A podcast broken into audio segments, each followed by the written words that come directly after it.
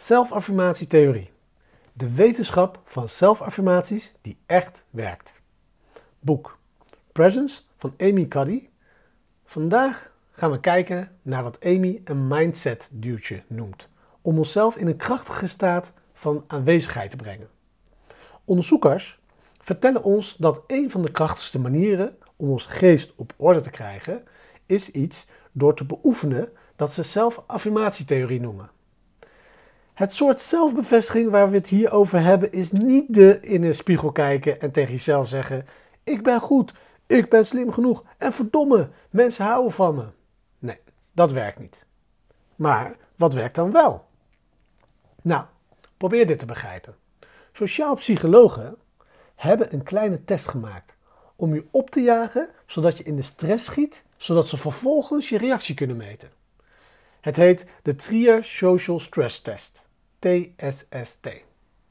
Stel je voor dat je wordt gevraagd om een geïmproviseerde toespraak van 5 minuten te houden voor een jury die is verteld om je gewoon streng aan te kijken en geen positieve feedback te geven.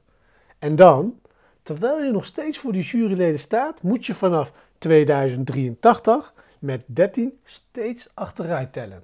Waarbij de juryleden je vertellen dat je sneller moet gaan. Je kan er al stress van krijgen als je hier gewoon aan denkt, toch? Nou, dit is het fascinerende. Wanneer mensen zo'n stresservaring meemaken, stijgt hun cortisolspiegel gewoonlijk.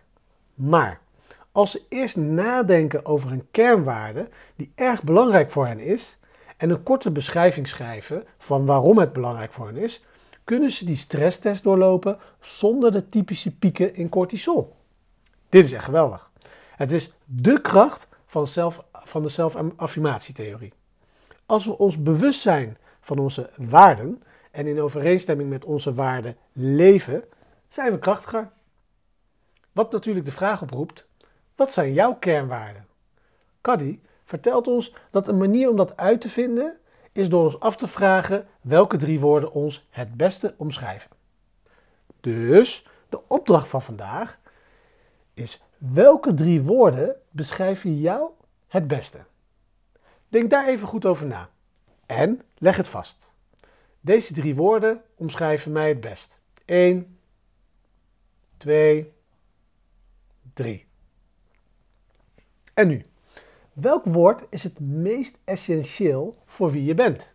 Denk kort na over waarom het belangrijk voor je is en denk aan een specifiek moment waarin je die waarde hebt getoond. Waarom? Puntje, puntje, puntje, puntje. Wanneer? Puntje, puntje, puntje, puntje.